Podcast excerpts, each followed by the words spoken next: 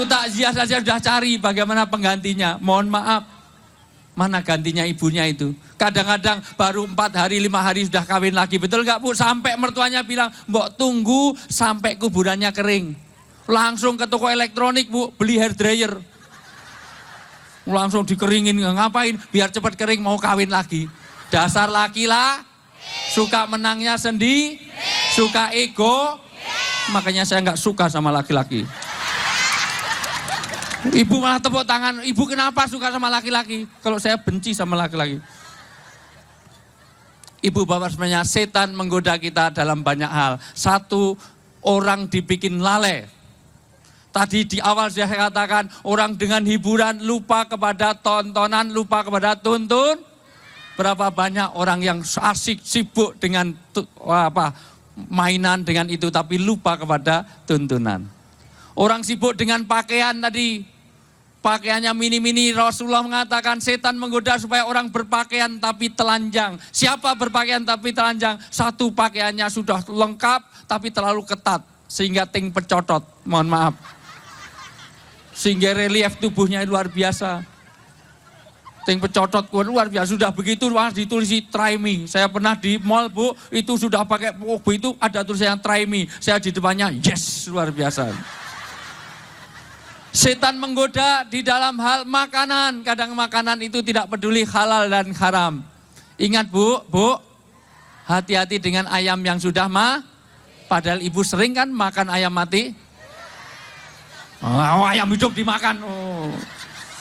Tapi cara nyembelihnya, hasilnya, bahkan harta kita. Jangan-jangan harta yang kita dapatkan dengan cara yang tidak halal. Itu godaan se setan menggoda kita di dalam banyak hal. Bahkan mohon maaf, semua orang tidak lepas dari godaan setan. Di bulan Ramadan setan dibelenggu, tapi ada juga yang lepas. Betul kan Bu?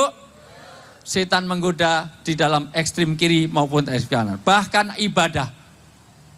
Orang itu digoda untuk supaya tidak mau beribadah, tetapi ketika sudah beribadah, setan menggoda supaya riak sholat biasa-biasa. Tapi kalau di belakang ada calon mertuanya, setannya masuk, sholatnya dikusuk-kusukan. Bismillah, alhamdulillah, walaku, walaku, luar biasa. Biasanya kulhu ina ini berubah langsung sabikisma, hal ataka, al baqarah, al imron. Kadang-kadang mohon maaf hadis pun dibaca. Walabdolin amin an nabi urarata. Padahal kalau sholat sendiri centul centul tusur centul tusur centul tusur gede gede gede belas. Kalau perlu Allah Akbar ya Allah. Ini bacaannya sama dengan kemarin. Allah Akbar juga sama. Saya mulai juga sama. Itu kan firmanmu sendiri. Masa kamu lupa tinggal idem, idem, idem, idem. Setan menggoda dalam tiga hal. Maka hati-hati dengan godaan. Satu, ketika orang mau beramal, digoda untuk supaya males beramal. Kedua, supaya riak dalam beramal. Orang sedekah aja kadang-kadang minta difoto, itu pun minta sertifikat. Itu pun diulangi karena blit nggak nyala. Orang males untuk haji, begitu haji dipamerkan, riak ke mana-mana pakai peci putih. Begitu pulang haji, langsung gambar sajadah, gambar Mekah dan Madinah ditempelkan di tembok. Sajadah kok di tembok, ini kalau yang sholat di mana ini? Mungkin yang sholat cicak atau Spiderman mungkin. Ada nggak yang seperti itu? Ada orangnya hadir di sini, jaketnya biru. Bisa, bisa ternyata godaan itu ketika beramal. Yang ketiga, godaan setan yang paling berat adalah setelah beramal. Untuk itulah hati-hati terhadap godaan setan karena setan musuh kita yang nyata. Alhamdulillahirrahmanirrahim. Untung hidup ini tidak dibiarkan oleh Allah Allah membuat kehidupan ini dibuat satu petunjuk supaya orang itu bisa bahagia. Yaitu dengan Al-Quran dan ada sunnah Rasul yang mempraktekkan Al-Quran itu. Bu, Pak, semua orang pengen hidup bahagia, betul nggak Bu? Ada cacing, cacing itu diberi tempat kebahagiaannya. Kebahagiaannya hanya ada di tanah yang basah. Betul gak Bu? Ada ikan, itu bahagia kalau ada di dalam air. Betul gak Bu? Ada kambing, bahagianya kalau di lapangan rumput. Sekarang kalau ibu berbicara, wah kasihan itu ikan. Pagi-pagi kok di- kedinginan di dalam air. Terus ikan diambil, terus dikasih jaket. Kira-kira ikan bahagia apa susah bu? Cacing tuh kasihan di dalam tanah itu nggak bisa bernapas, nggak bisa lihat pemandangan, nggak bisa lihat lipstick lipstick. Masya Allah, lipstiknya merah membara kayak habis minum darah. Mungkin mungkin bukannya tadi pakai ayam mentah, masya Allah. iya, kayak habis makan orok bayi, masya Allah. Bu, kalau cacing kasihan, cacing dalam tanah diambil, terus ditaruh di dalam eh, piring. Kira-kira cacing menggeliat itu sedih, susah, apa senang? Sedih. Kenapa? Karena semua diberi kebahagiaan. Kebahagiaan kita hanya dengan Al-Quran. Dan Al-Quran itu sangat otentik. Dia tidak bisa dipalsukan. Al-Quran itu dihafal seluruh dunia. Isinya pasti benar. Memuat yang lalu, yang akan datang, bahkan yang sekarang. Dan up to date terus. Al-Quran tidak bisa dipalsukan. Begitu ya Ustaz? Subhanallah. Tadi Pak Kiai kita ngomongin masalah sunnah itu adalah implementasi dari Al-Quran. Iya. Ini ngomong-ngomong tadi malam Jumat nih Bu. Iya. Sunnah malam Jumat namanya apa Bu? Sunnah? Sunnah Supaya- Rasul itu tiap malam apa? Kurang kencang sunnah Rasul tiap malam apa? Malam lainnya hukumnya apa? Hah, wajib. Makanya anaknya kecil-kecil udah punya. Yang saya heran suaminya pergi terus kok bisa punya anak. Mungkin karena di SMS saja jadi. SMS-nya itu getar jadi langsung pelendung-pelendung Masya Allah. Gentar aja jadi. iya, subhanallah. Waduh, subhanallah Ibu dan Al-Qur'an diturunkan oleh Allah Subhanahu wa taala dengan bahasa Arab. Iya. Inna nahnu nazzalna dzikra wa inna lahu. Lahafidun. Hebatnya bahasa Arab, dia berubah sedikit pun pasti akan ketahuan. Iya. Sudah begitu banyak yai fenomena orang berusaha merubah kalimat bahkan merubah huruf saja ketahuan. Ketahuan. Makanya alhamdulillah Al-Quran turun dengan bahasa Arab, sholat pun kita dengan satu bahasa yaitu bahasa Arab. Kalimatnya sama, Allahu Akbar. Kebayang nggak kalau orang di Indonesia dengan beragam suku, sholat pakai bahasa daerah masing-masing, ribet. Imamnya orang Betawi, makmumnya dua. Yang satu orang Sunda, yang satu orang Padang Kiai. Hmm. Yang orang Betawi jadi imam takbir, Allah gede banget. Kata malaikat, oh, oh gue juga tahu. Yang orang Sunda karena kalem gak mau kalah takbir. Allah nu ageng. Yang orang Padang paling tinggi suaranya. Allah nan gadang. Kata malaikat onde mande ranca. Dan penghafal Quran itu tidak terhitung, Bu. Subhanallah. Dan Quran itu luar biasa mudah dihafal, beda dengan kitab-kitab yang lain. Sekarang ini orang memalsukan satu huruf saja ketahuan. Kenapa?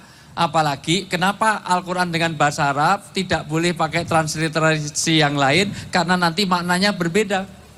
Gitu, Di dalam Quran ada alladzina. Kalau kita nggak tahu bahasa Arab, bacanya pakai transliterasi bahasa Indonesia.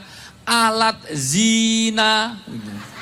Jauh amat jadi Jauh alat banget. Alladzina itu kalau di dalam bahasa Indonesia ditulis alat zina, malah jadi kontrasepsi.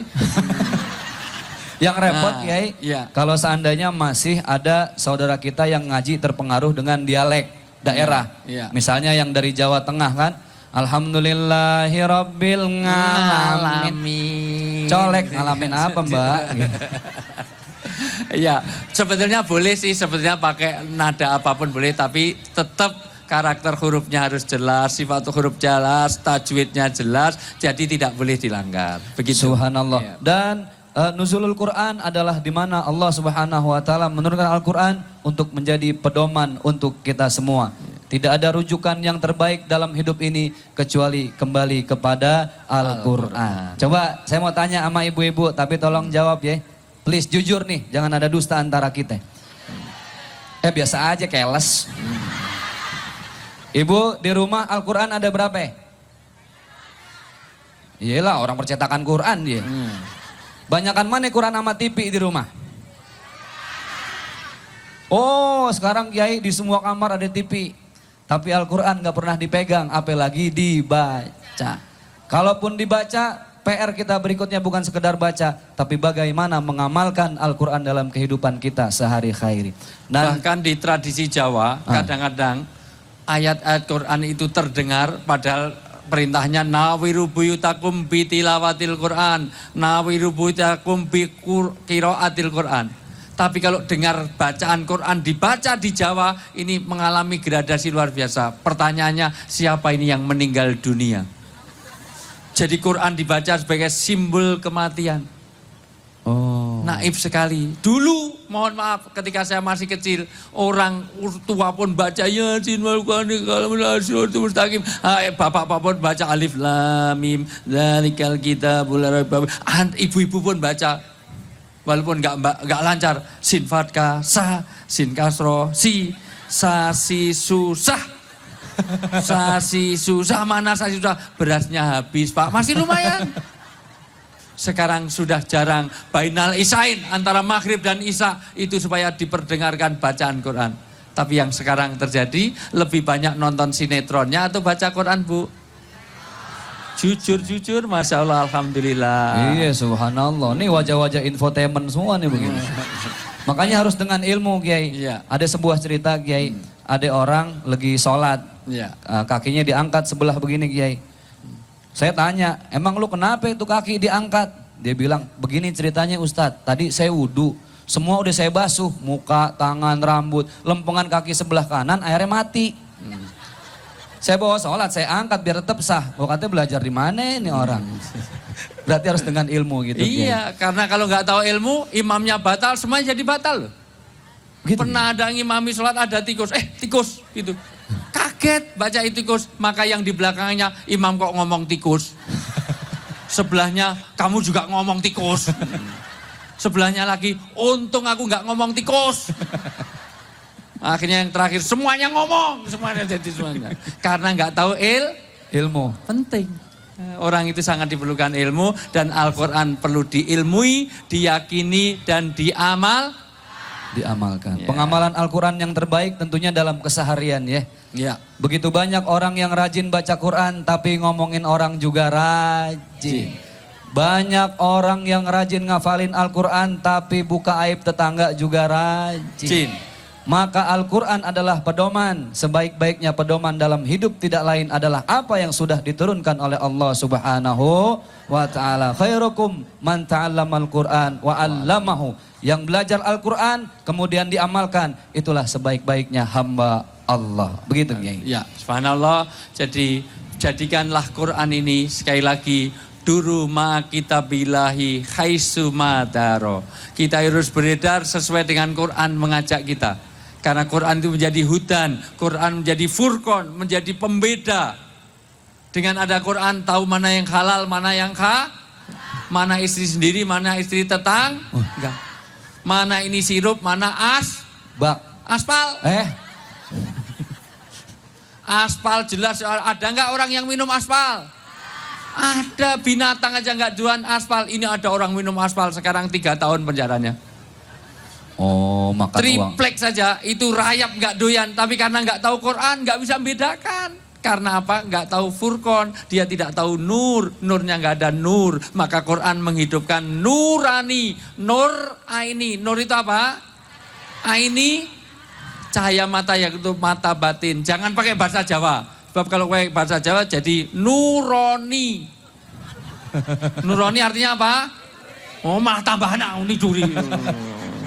Quran menunjukkan nurani minimal di, di sana akan membawa berkah. Sekali lagi orang yang amal maksiat tidak pernah diawali dengan bacaan Quran. Baik sebelum tawuran kita mulai kita dengarkan dulu kalam wayu ilahi mungkin. Baik di sebelum pacaran kita mulai kita baca dulu Al-Fatihah gitu. Yang biasa pacaran tahu saja. Baik. Baik. Subhanallah Kiai mudah-mudahan bermanfaat Amin, untuk kita amin, semua.